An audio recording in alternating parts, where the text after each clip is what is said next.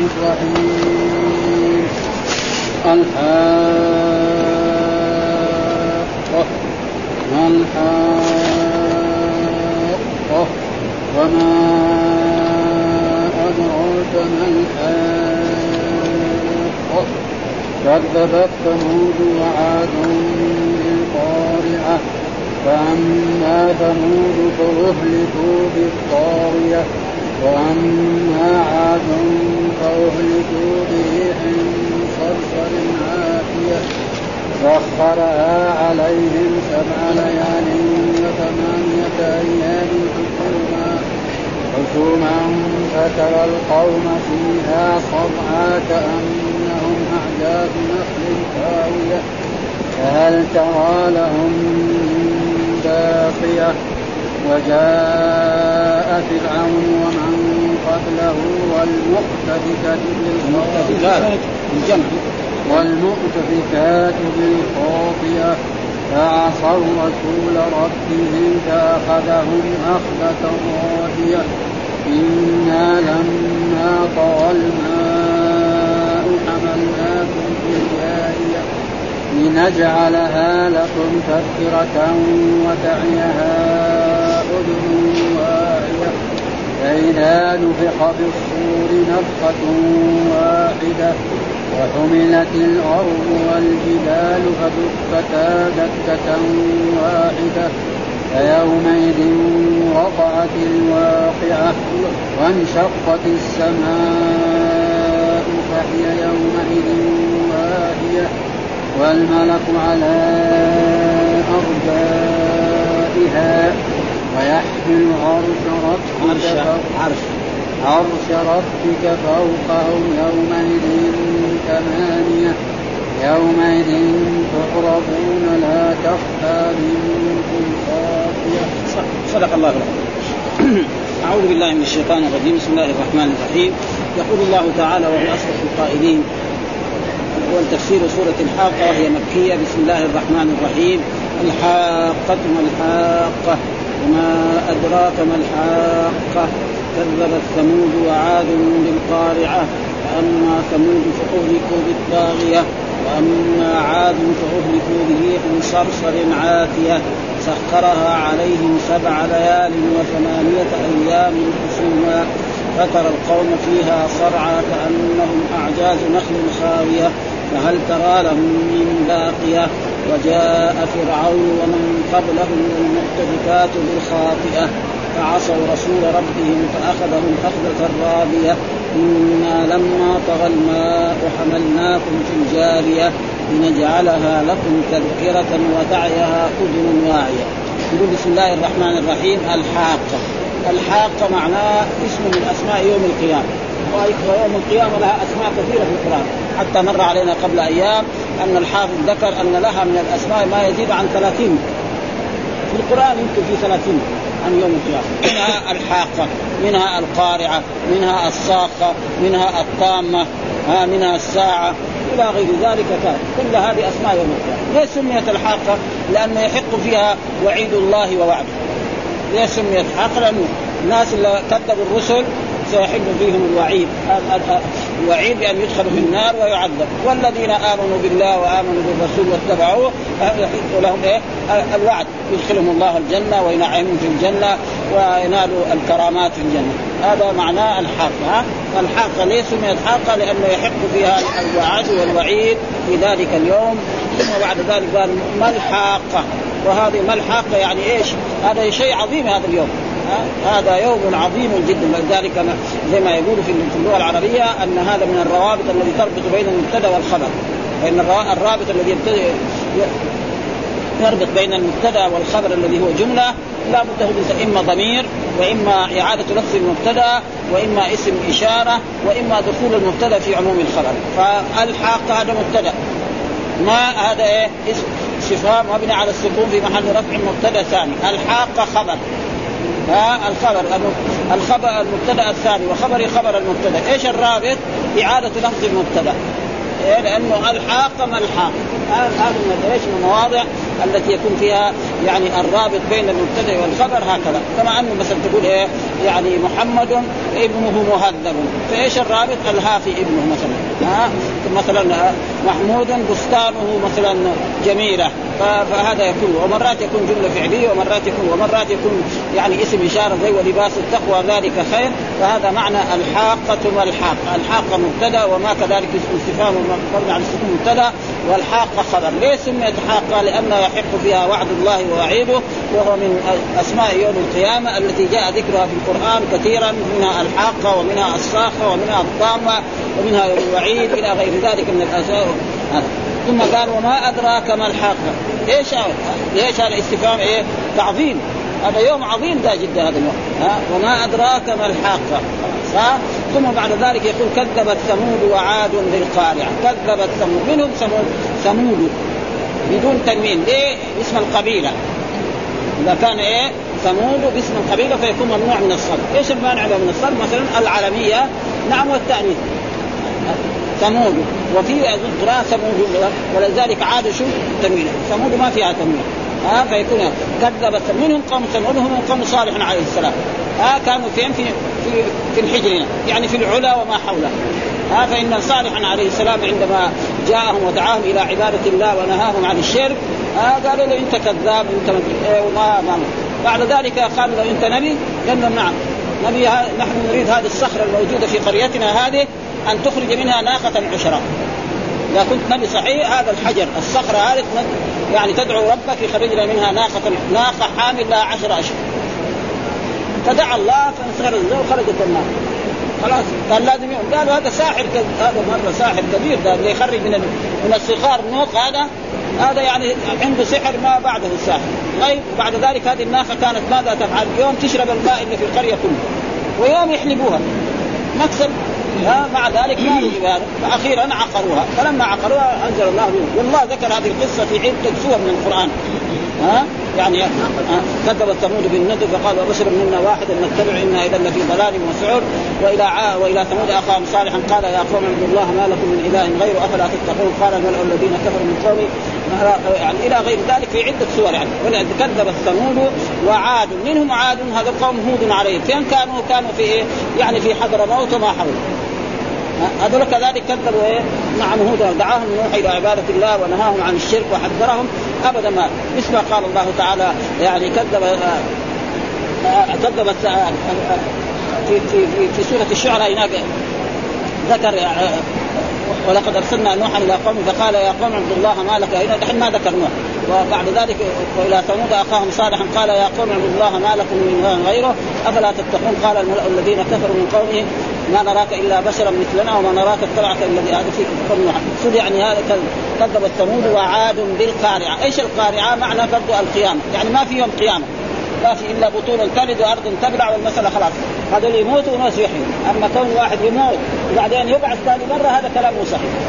ولأجل ذلك القرآن دائما يعني يرد عليهم في ذلك. ويقول زعم الذين كفروا أن لن يبعثوا قل بلى وربي لتبعثن. ثم لتنبؤن بما عملتم وذلك على الله يسير. وهو الذي يبدأ الخلق ثم يعيده وهو أهون عليه. ها والله يمثل لهم دائما في القرآن. ها يشوف أرض ميتة فينزل عليها المطر وإذا بها تنبت النبات والعشب. والذي يفعل هذا إيش إحياء الموت؟ ولأجل ذلك يقول الله تعالى خلق السماوات والأرض أكبر من خلق الناس. يعني خلق السماء والأرض ولا خلق الإنسان؟ أيهما؟ يعني الانسان ضعيف. يعني مركب إيه؟ من شوية عظام وشويه يعني أعصاب فاذا فإذا أراد الله أن يميته اول هو الذي أحياه وأماته ثم يحيي ثاني مره يكون سهل عليه. ها؟ أبدا. ذلك الله يقول وهو الذي يبدأ الخلق ثم يعيد وهو أهون عليه. كما أننا في دنيانا هنا لو أن إنسان عمل صنعا من الصنائع ثم بعد ذلك حطمها ثم أراد يفعلها مرة ثانية وهو بشر. فيكون اسهل عليه. فما بال الرب سبحانه وتعالى. مين اللي خلق الإنسان وأوجده من العدم إلى الرب سبحانه. فإذا أماته ثم أراد يحييه مرة ثانية يكون سهلا عليه. هذا ولذلك القرآن دائما والسورة المكية دائما تعالج هذا الموضوع. يعني كثير السور المكية هذا ولذلك أولا فكر الإنسان أن خلقناه من نطفة فإذا هو خصيم مبين. وضرب لنا مثلا ونسي خلقه. قال من يحيي العظام وهي يحييها الذي أنشأها أول مرة وهو بكل خلق عليم الذي جعل لكم من الشجر الأخضر نارا فإذا أنتم. قال فأما ثمود. يعني هؤلاء لما كذبوا ثمود كذبوا صالحا عليه السلام وقالوا إنه ساحر وكذاب ومجنون وطلبوا منه آية على نبوته وهذا فأخرج لهم الناقه يعني من الصخرة ثم هذه الناقة عاشت ما شاءت ثم ولدت لها يعني ناقة صغيرة ثم بعد ذلك تضايقوا منها فعقروها. فلما عقروها بعد ثلاثة أيام أنزل الله بهم العقاب والعقاب. وكذلك يعني عاد هو قوم بعث الله فيهم هودا عليه السلام ودعاهم إلى عبادة الله ونهاهم عن الشرك. برضو قالوا انه كذاب وساحر وهذا كل معناه إياك أعني واسمعي يا جار زي ما يقولوا في مثل يعني إن الذين كذبوا صالحا والذين كذبوا هودا أنزلنا بهم العقاب والعذاب. فالذين يكذبون محمدا ماذا يحصل بهم؟ يحصل بهم أشد من ذلك. هذا معناه ها؟ يعني الذين كذبوا هود نحن عملنا بهم. الذين كذبوا صالح عملنا بهم. طيب اللي كذب محمد يسوي يصير اشد من هذا. ولأجل ذلك ماذا حصل للذين كذبوا محمد قريش؟ ها جاءوا إلى بدر لتغنيهم القيام وليشربوا الخمر وليتحدث العرب عن عظمة قريش وكبريائها. فتبتدئ غزوة بدر فينتصر الرسول على قريش ويقتل سبعين ويأسر سبعين. ويكون هذا أنكى عليه الله ما أنزل عليهم صاعق لا. يصير قتلهم على يد الصحابة الذين كانوا يحتقرونهم في مكة وكانوا يؤذون. وهذا يكون أشد عليهم من إيه؟ أن الله ينزل عليهم صاعق صاعق الرب عارفين هم ينزل عليهم. ها؟ فهذا يكون إيه؟ أشد. وهذا دائما القرآن يتحدث بهذا عشان زي ما يقولوا في المثل إياك اعني واسمعي يا جار ها؟ هذا اللي كذبوا كذا فعلنا وهذا معناه فأما ثمود فأهلكوا بالطاغية. يعني الصيحة.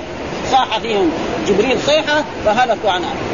واما عاد عاد الذي هم قوم هود هذول فاهلكوا بريح صرصر، ريح صرصر يعني بارده شديده البروده. ها وقعدت كم؟ سبع ليال وثمانية أيام. محل ما يروح هذه الريح معه. ما في فايدة، يدخل جوا يسيلوا محل أبدا يعني برد شديد بجانب.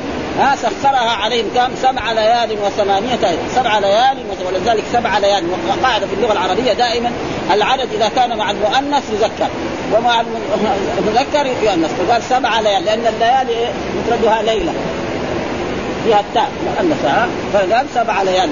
مذكر العشر وهذه قال ها ثلاثة بالتاء يقول للعشرة في عد ما أحدهم مذكرة في ضد جر كذا دائما قاعدة دائما هذا يعني دائما العدد مع العكس.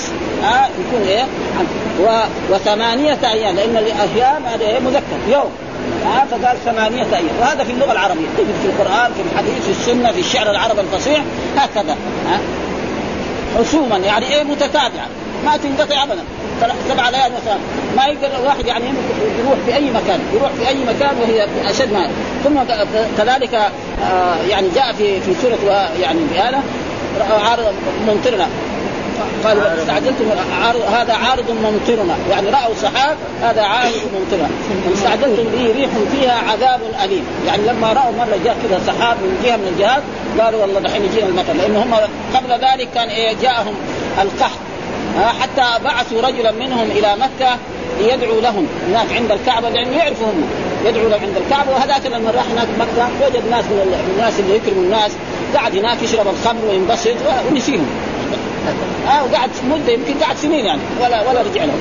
ها لأنه فين هذا؟ بعد ذلك تذكر الموضوع وإذا به لما شافوا هذا السحاب ظنوا أن هذا يعني يجيهم مطر ويجيهم الغيث وإذا به كان هذا سبب إيه؟ في هلاكهم هذا سبعه سخرها عن سبع ليال وسبع قال فترى القوم فيها صرعى. يعني هلكة موتى كأنهم أعجاز نخل خال زي النخله لما يكون إيه؟ يبقى الجذع حقه. ها كان هذه الريح تشيل الواحد منهم ترفع إلى عنان ثم تبقى على فيسقط في الأرض ميت.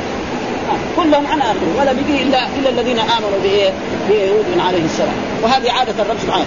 نجيناه. دائما ينجي المؤمنين ويهلك الظالمين. وهذا كله معناه يا قريش. انتبهوا لأنفسكم. فإنما نزل بهؤلاء المكذبين لهود ولصالح ولموسى عليه السلام. سيقع بكم وقد حصل ذلك لأنه قال فهل ترى لهم من باقية؟ يعني خطاب للرسول صلى الله عليه وسلم. وهو خطاب للناس. هل باقي أحد من قوم هود أو من قوم صالح؟ ابدا. ها ولذلك قوم صالح الآن موجودين. يعني الواحد لما يروح مدائن صالح ويشوفهم يعني كأنهم يعني قبل أيام مع إنه لها يمكن خمسة ألاف سنة أو أكثر من ثم بعد ذلك يقول وجاء فرعون ومن قبله والمؤتفكات بالخاطئ جاء برضو الله بعث إيه؟ موسى عليه السلام وأخاه هارون إلى فرعون. وهارون هو فرعون هذا كان طاغية. يقول أنا ربكم الأعلى ما علمت لكم من إله غيري. وقد رأى في المنام أن ملكه سيزول على يعني على يد رجل من بني إسرائيل. فقال إيش هذا؟ قالوا له هذا ما في. قال اذا كل ما تلد أي واحد من بني إسرائيل تلد ولدا لازم نقتله. وصاروا يقتلوا الأولاد. ويخلوا البنات. أول كان يقتل الأولاد والبنات. بعد ذلك طيب إذا قتلوا الأولاد والبنات مين يخدمهم؟ قالوا لا إذا نقتل إيه الاولاد ونترك البنات. ثم بعد ذلك صاروا مرة يقتلوا وسربا وفي الآخر حتى موسى عليه السلام ولد وخشيت عليه أمه فامرها الله أوحى إليها أن تضعه يعني في تابوت وترميه في البحر. فرمته في البحر. آه مثل ما قص الله لنا قصته في سورة القصص. آه آه آه. فلما فعل ذلك وإذا بهذا الموت ياخذ بهذا ويأتي بهذا الصندوق أمام فرعون. فلما أخذوا وفتحوا إذا به طفل صغير جعل الله محبة قلب هذا الطفل الصغير في في قلب زوجته. فقال قرة عين لي لا تقتلوه عسى أن ينفعنا أو نتخذه ولدا. نعم نتخذ ولدا. في في هذا قول الله تعالى مثلا في هذا تعصيم من تلك آيات الكتاب المبين نتلو عليك نبأ موسى وفرعون بالحق لقوم يؤمنون. إن فرعون علا في الأرض وجعل اهلها شيعا يستضعف طائرهم ويذبح ابنائهم ويستحيي نساءهم انه كان من المفسدين. ونريد أن نمن على الذين استضعفوا في الأرض ونجعلهم أئمة ونجعلهم الوارثين. ونمكن لهم في الأرض ونري فرعون وهامان وجنودهما منهم ما كانوا يحذرون. وأوحينا إلى أم موسى أن أرضعيه فإذا خفت عليه فألقيه في اليم ولا تخافي ولا تحزني. إنا رادوه إليك وجاعلوه من المرسلين. فالتقطه آل فرعون ليكون لهم عدوا وحزنا إن فرعون وهامان وجنودهما كانوا خاطئين وقالت امرأة فرعون قرة عين لي ولك لا تقتلوه عسى أن ينفعنا أو نتخذه ولدا وهم لا يشعرون. نعم وحرمنا عليه المراضع من قبل فقال هل أدلكم على أهل بيت يكفرونه لكم وهم له ناصحون. فرددناه إلى أمه كي تقر عينه. ولا تحزن ولتعلم أن وعد الله حق ولكن أكثر الناس لا يعلمون. ولما بلغ أشده. يعني معناه يعني بدل ما كان يتربى في بيت هذا يتربى في بيت إيه؟ فرعون. هو خايف إنه إيه يكون ذهب مقطع فهذا قالت إذا تبغوا ولد هذا الولد أنا تعطوني هو أعيش معاه في بيتي طيب. وأجيكم مرات. ويصير يعيش في بيت الملوك. معلوم بيت الملوك أكلهم غير بيت الفقراء والمساكين. ها؟ أكلهم غير ولباسهم غير وفروشهم غير. فهذا. ويمشي. حتى أنه في مرة من المرات كان فرعون جالس وجر لحيته. قال له قال لهم هو هذا. قال له لا هذا ما يعرف شيء. أنت ائتوا بجمرة وتمره شوفي آيات شيء. معلوم؟ الجمرة يعني بالنسبة للطفل الصغير اللي ما يعرف شيء يأخذها لأنه كذا صاير. وأما التمر أسود. إيش يبغى ها؟ فأخذ الجمرة وحطها في فمه هذا دليل واضح إنه ما يدري. وإلا لو كان يدري ما ما يشيل ها؟ ولذلك صار الدغ يعني شوية. صار في لدغه ها؟ فلذلك الله إذا أراد شيء لابد وهذا معنى وجاء فرعون ومن قبله والمؤتفكات بالخاطئه، المؤتفكات فسر بهذا ولكن المؤتفكات أنا يعني يعني هم قوم يعني قوم لوط عليه السلام. بالخاطئة بالذنب بالذنوب الخاطئة بمعصية الله وبمعصيه رسوله والكذب فعصوا رسول ربهم. فعصوا هؤلاء الثلاثة كلهم. يعني قوم هود وقوم صالح وفرعون والأقباط كلهم عصوا رسوله. فهؤلاء عصوا هودا وهؤلاء عصوا صالحا وهؤلاء عصوا موسى عليه السلام. إيه؟ قال فأخذهم اخذه رابيه ها؟ أخذهم الله اخذه رابيه يعني شديدة. اهلكهم ها؟ هذول صاح فيهم جبريل صيحه هلكوا عن آخره. هذا جاءهم ريح صرصر سبع ليال وأهلكتهم عن آخره. ابدا. وهؤلاء يعني دخلوا في البحر فنجى الله موسى ومن معه حتى أن موسى عليه السلام لما خرج إلى جهة البحر جاءوا لفرعون وقال إن بني إسرائيل خرجوا إلى جهة البحر. ها؟ فخرج هو بجيشه وعظمته إليهم حتى يلحقهم ويقتل فيهم. فلما وصل إلى البحر بني إسرائيل شافوا البحر هنا والعدو من وراء إيش بسيفين قال إنا لم موسى عليه السلام قال لهم كلا إن مع ربي سيف اوحينا إلى موسى أن اضرب بعصاك البحر فانفلق فكان كل فرق كالطود العظيم يعني كالجبل. كذا. ها؟ يعني وازفنا ثم الآخرين ونجينا. فلما موسى خرج معه هناك من الجهة الثانية يأمر البحر أن يعود كما كان. فعاد كما كان وحدثوا عن آخرهم ولا يبقى منهم أحد. حتى أن بعض قالوا لا هذا بلكم فرعون. هو يقول أنا ربكم الأعلى. ما علمت لكم يعني معنى إذا رب البحر. ليش يغرقوا؟ فقالوا ما غرق. فبعد ذلك طفى على البحر كما يطفو الكلب. لو كلب ضاع في بركه ولا هره ولا أي شيء ومات. يكون فوق البحر ها؟ حتى ما يعني ولذلك يقول الله تعالى عن ذلك في سورة في سورة يونس يعني لما أهلكهم الله وغرقوا بعد ذلك لما هذا غرق في البحر قال آمنت بالذي آمنت به وجاوزنا ببني إسرائيل البحر فأتبعهم فرعون وجنوده بغيا وعدوا حتى إذا ادركه قال آمنت بالذي آمنت به بنو إسرائيل وأنا من المسلمين الان وقد عصيت قبل وكنت من المفسدين. فاليوم ننجيك ببدنك لتكون لمن خلفك آية. فإن كثيرا من الناس يعني طفى على البحر كما يطفو الكلب. عشان لا يبان إنه كذاب وكان دجال يدجل أنا ربكم الأعلى كل هذا يعني وهذا كله يعني فعصوا واستاخذهم إنا لما طغى الماء حملناكم في الجار. إنا. الضمير في إنا عائد على الرب سبحانه. والله يعظم نفسه هو واحد ويقول إنا. فإن نحن في دنيانا هنا نسمع الملوك يقول أمرنا ونحن كذا. أو الإنسان في البيت يقول آه أمرت بكذا وفعلتم كذا. آه يأمر يقول كذا. فما فالرب سبحانه وتعالى وحده. لكن يعظم وهذا أسلوب عربي. ها أسلوب عربي. والقرآن جاء بلغة العرب وبلغة قريش. وهذا معناه ان ليس معناه إن الأرباب بتاع الجماعة لا ها إن لما طغى الماء حملناكم في الجارية. يعني إيه؟ لما موسى نوح عليه السلام بعث ولبث في قومه ألف سنة إلا خمسين عام. بس يبغى منهم يقولوا لا إله إلا الله ويشهد لنوح عليه بالرسالة. ويؤمن بالله والملائكة والكتب والرسل وأمثال ذلك إذا فعلوا ذلك خلاص يستوجب أبدا ها وقد قص الله لنا قصته في سور كثيرة من القرآن. منها في قوله تعالى إنا أرسلنا نوحا إلى قوم فقال يا قوم اعبدوا الله إني لكم نذير مبين. أن اعبدوا الله واتقوه وأطيعوني يغفر لكم من ذنوبكم ويؤخركم إلى أجل مسمى. إن أجل الله إذا جاء لا يؤخر لو كنتم تعلمون. قال ربي إني كل السورة يعني في إيه؟ في قصة نوح عليه السلام. إنا لما حملناكم في الجارية. حملناكم يعني حملنا آباءكم وأجدادكم. لأن الناس كلهم من مين؟ من ذرية نوح عليه السلام. وجعلنا ذريته هم الباقين. لأن الله لما ركب نوح في السفينة نعم وغرق وأغرق جميع من في الأرض. ما بقي ولا أحد. ثم خرجوا من السفينة لما خرجوا من السفينة الذين كانوا معه في السفينة يقولوا بعضهم يقولوا أنهم كانوا 60 نفر أو 70 نفر أو 80 نفر أو 100 هؤلاء الذين كانوا معه في السفينة كلهم يعني ما ولد لهم أولاد. كانوا فيهم عقل فالبشر كلهم من ذرية مين؟ من ذرية نوح. وهو من إيه؟ من أولاد الأربعة. ها؟ من أولاد. وهذا معناه إنا لما حملناكم في الجارية، إيش الجارية؟ السفينة، لما نوح عليه السلام لما لبث في قومه ألف سنة إلا خمسين عاما يدعون إلى عبادة الله وينهاهم عن الشر الشرك بعد ذلك أمره الله أن يصنع السفينة.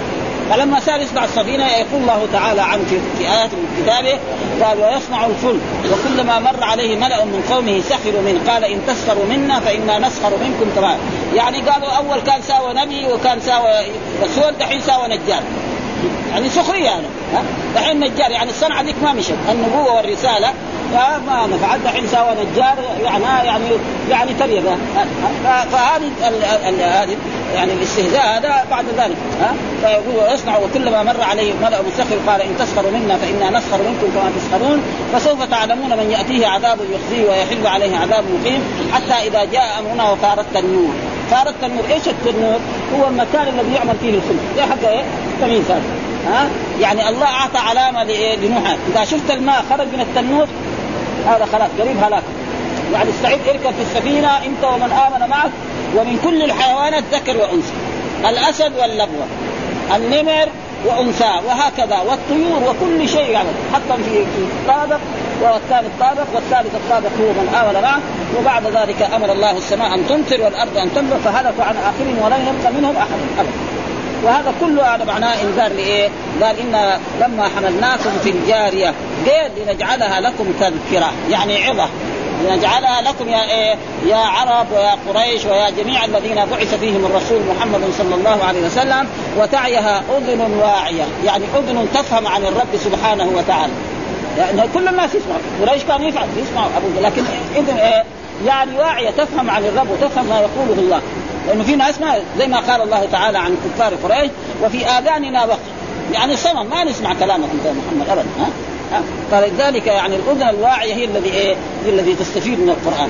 القرآن يسمع قالوا أساطير الأولين. ما استفادوا منه. وناس مؤمنين استفادوا من القرآن وآمنوا به وطبقوه على هذا معناه أذن واعيه ثم بعد ذلك متى هذا يقول؟ ها؟ قال فإذا نفخ في الصور نفخة واحدة. فإذا متى يكون يوم القيامة هذا؟ إذا نفخ في الصور. والنفخ في الصور له ثلاث. أول نفخة الصعق.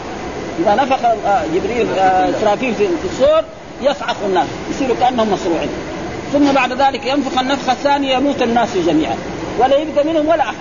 ثم ينفخ النفخة الثانية يحيوا هذه هي. قال فإذا نفخ في الصور نفخة واحدة. يعني إذا نفخ في الصور النفخة الثانية نفخة واحدة مات الناس جميعا أحيا الناس جميعا. ها وحملت الأرض والجبال فدكتا دكة واحدة. وهذا جاء في القرآن في آيات كثير يوم تبدل الأرض غير الأرض والسماوات وبرزوا لله الواحد القهار. وقال في آية أخرى إذا السماء انشقت إذا السماء انفطرت. كل هذا السماء والطارق إلى غير ذلك. فهذا فإذا نفخ في الصور. الصور هو كناية عن بوق.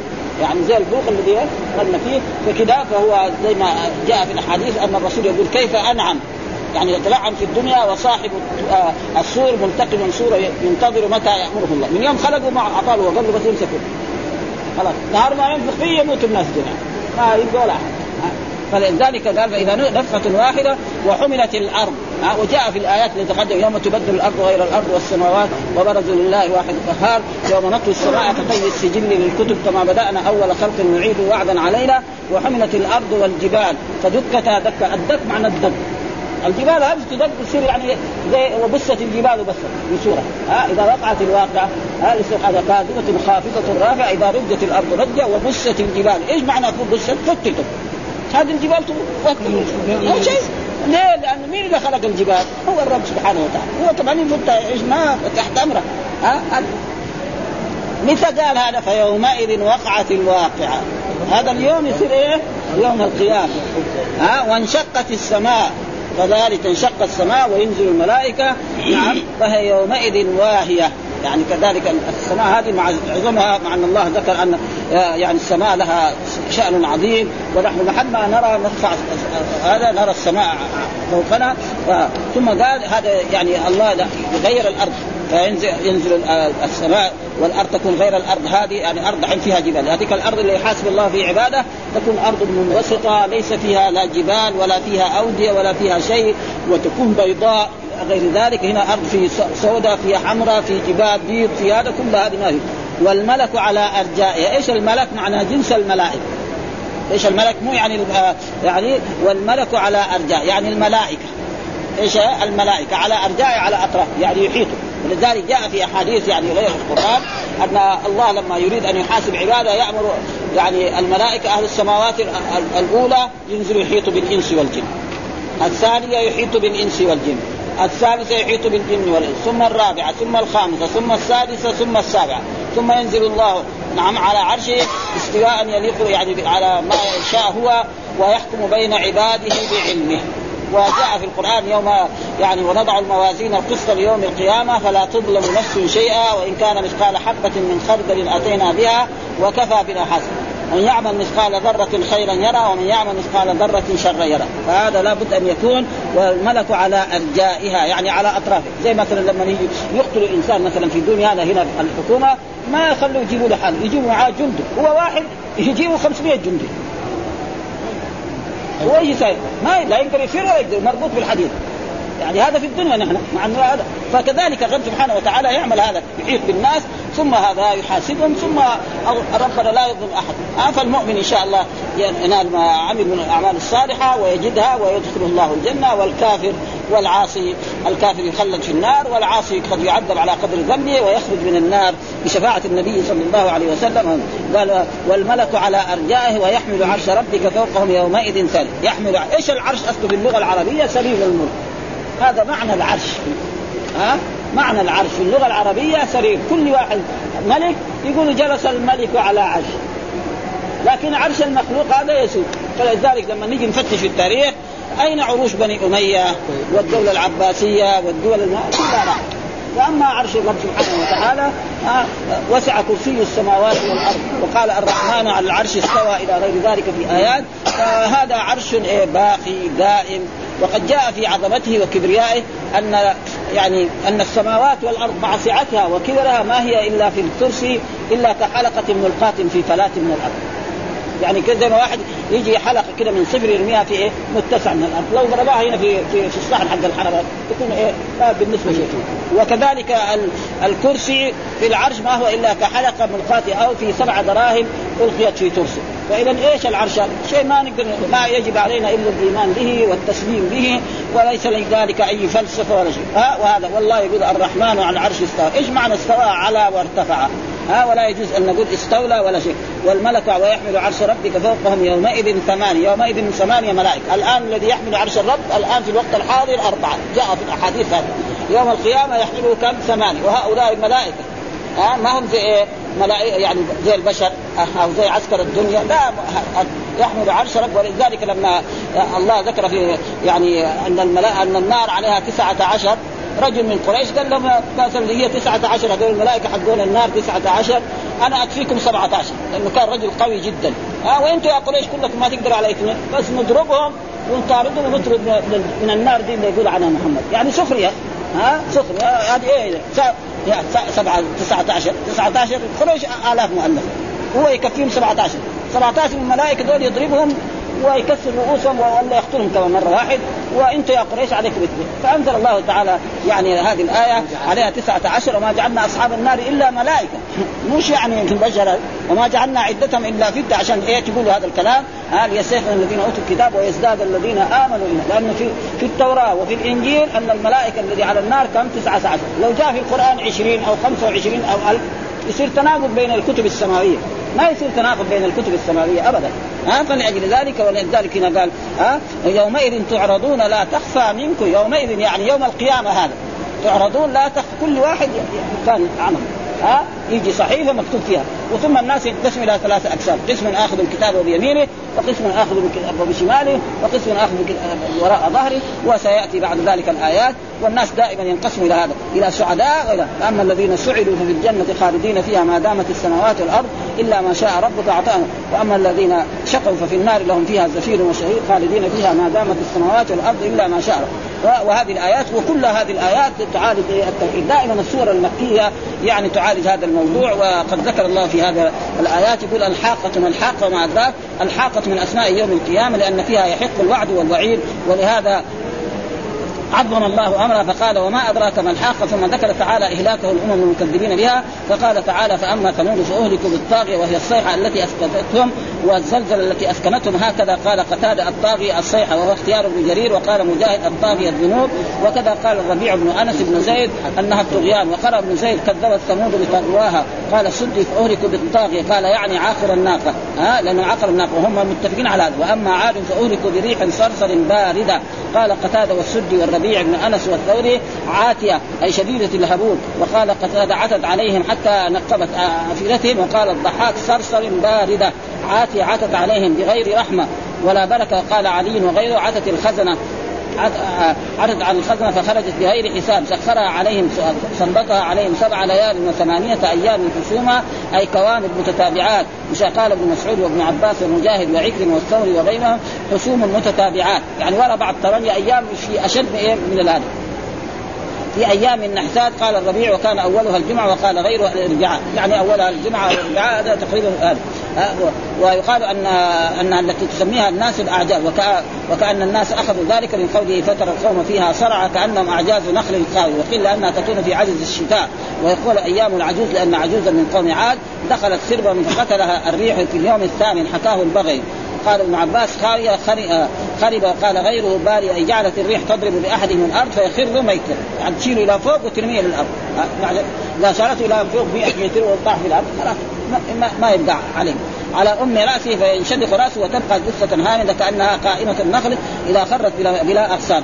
وقد ثبت في الصحيحين عن رسول الله صلى الله عليه وسلم انه قال من صرت للصبا وأهلكت عاد بالدود ها وقال ابن أبي حاتم كذلك حدثنا ما فتح الله على عاد من الريح التي هلكوا بها إلا مثل موضع الخاتم. يعني موضع الخاتم كذا ها؟ إذا لو فتحها مرة كانت تهلك الدنيا كلها ولا يبقى لها أحد. فلذلك يجب إيه؟ أن الإنسان يعرف أن الرب قادر عليه فهل ترى لهم من باقية؟ هل تحس منهم من أحد؟ ابدا ما في أحد من قوم. في أحد من قوم عاد؟ ما في. لهم يمكن خمسة آلاف سنة لمن هلكوا وجاء فرعون ومن قبله قرأ بكسر القاف أي ومن بعدهم من, من زمان من اتباع كفار. من كفار القبط وقرأ آخرون بفتحها. هو المؤتفكات وهم الأمم المكذبون للرسل وهم يعني قوم لوط يعني في الغالب هذا بالخاطئة وهي بالتكذيب ما أنزل الله قال الربيع بالخاطئة بالمعصية وقال مجاهد بالخطايا فعصوا رسول ربهم وهذا جنس كله آه، كذب رسولا إليهم كما قال تعالى إن كل كذب الرسل فحق وعيد. يعني الذي يكذب رسول كأنه كذب جميع الرسل. فهم كذبوا نوحا كأنهم كذبوا محمد. الذي يكذب آه، موسى كالذي كذب محمد. ها؟ ولا يجب على الناس أن يؤمنوا به. ولذلك المؤمنون إيه؟ يقول آمن الرسول بما أنزل اليه من ربه والمؤمنون كل آمن بالله. وملائكته وكتبه لا نفرق بين أحد من الرسل. نؤمن بجميع الرسل. ها؟ الآن اليهود والنصارى ما لهم إيمان. ها؟ بعض اليهود يقول يؤمن بموسى ولا يؤمن بعيسى. ما يصح ها؟ بل يقولوا عيسى هذا إنه جاء من أم بدون أب. والشخص الذي يجي بدون بأم بدون أب معناه كلام خطير يعني. إحنا ما نستطيع أن نقول فلأجل ذلك وأي واحد لا يؤمن بمحمد ويموت بعد بعثته فإلى جهنم. لا يدخل الجنة ولا يشوفها وكل واحد يقول أن الاديان السماوية ثلاثة الدين اليهودي واحد والدين النصراني اثنين والدين الإسلام واحد. هذا غلط. يعني بعد بعثة الرسول محمد يجب أن يؤمن بمحمد. فما يؤمن به ولا يتبعه ويموت يروح إلى جهنم. ليه؟ لأن القرآن لك ومن يكفر به من الأحزاب فالنار موعد. كذا قرآن نص. من يكفر به به هذه الها نقدر نقول به بمحمد صلى الله عليه وسلم. به بالقرآن به بالإسلام. كله صحيح. أبدا. ويقول أن لما زاد عن الحد بإذن الله وارتفع عن الوجود قال ابن عباس غيره كثر وذلك بسبب دعوة نوح عليه السلام على قوم. قال ربي لا تذر على الأرض من الكافرين ديارا إنك إن تذرهم يضلوا عبادك ولا يلدوا الا فعابدوا غير الله فاستجاب الله واعم أهل الأرض بالطوفان إلا من كان مع نوح في السجن يعني هذا عم الأرض كلها. بخلاف العذاب الثاني اللي يجي لناس بعد نوح لا يجي بس في مثلا قوم عاد بلدهم هنا قوم ثمود في مكانه. ها فرعون في مكانه. أما الأول لا قوم نوح الأرض كلها من أولها إلى آخره ولا بيجي ولا مكان.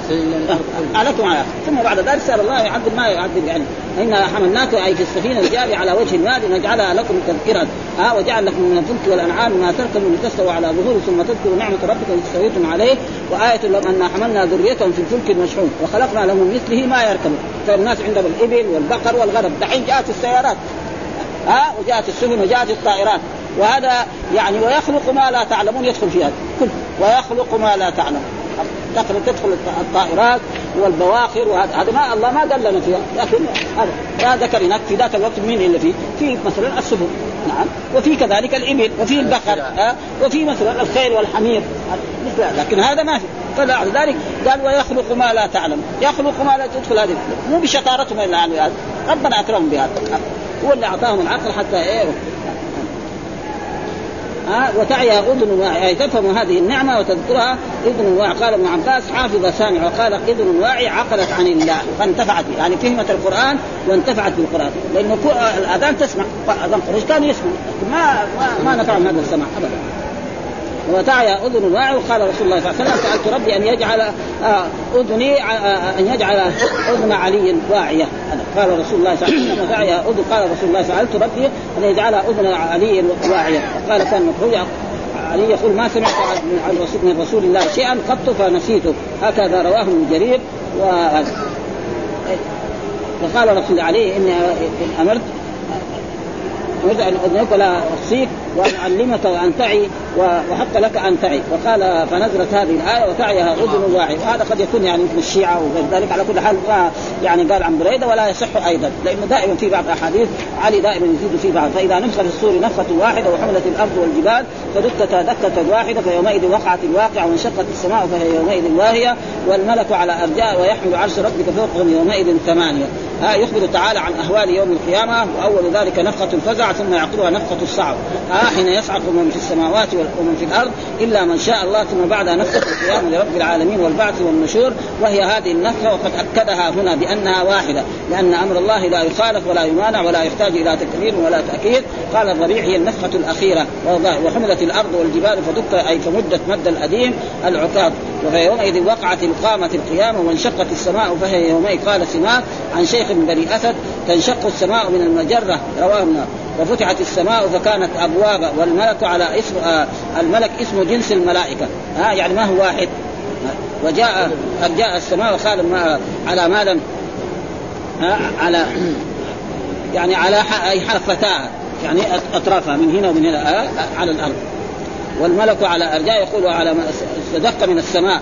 ويحمل عرش ربك فوقهم يومئذ ثمانية يوم القيامة يحمل العرش ثمانية من الملائكة ويحتمل أن يكون المراد بهذا العرش العرش العظيم أو العرش الذي يوضع في الأرض يوم القيامة لفصل القضاء. والله وفي حديث عبد الله بن عباس آه يقول حملة العرش ثمانية ما بين موقع أحدهم إلى مؤخر عينيه مسيرة مئة عام.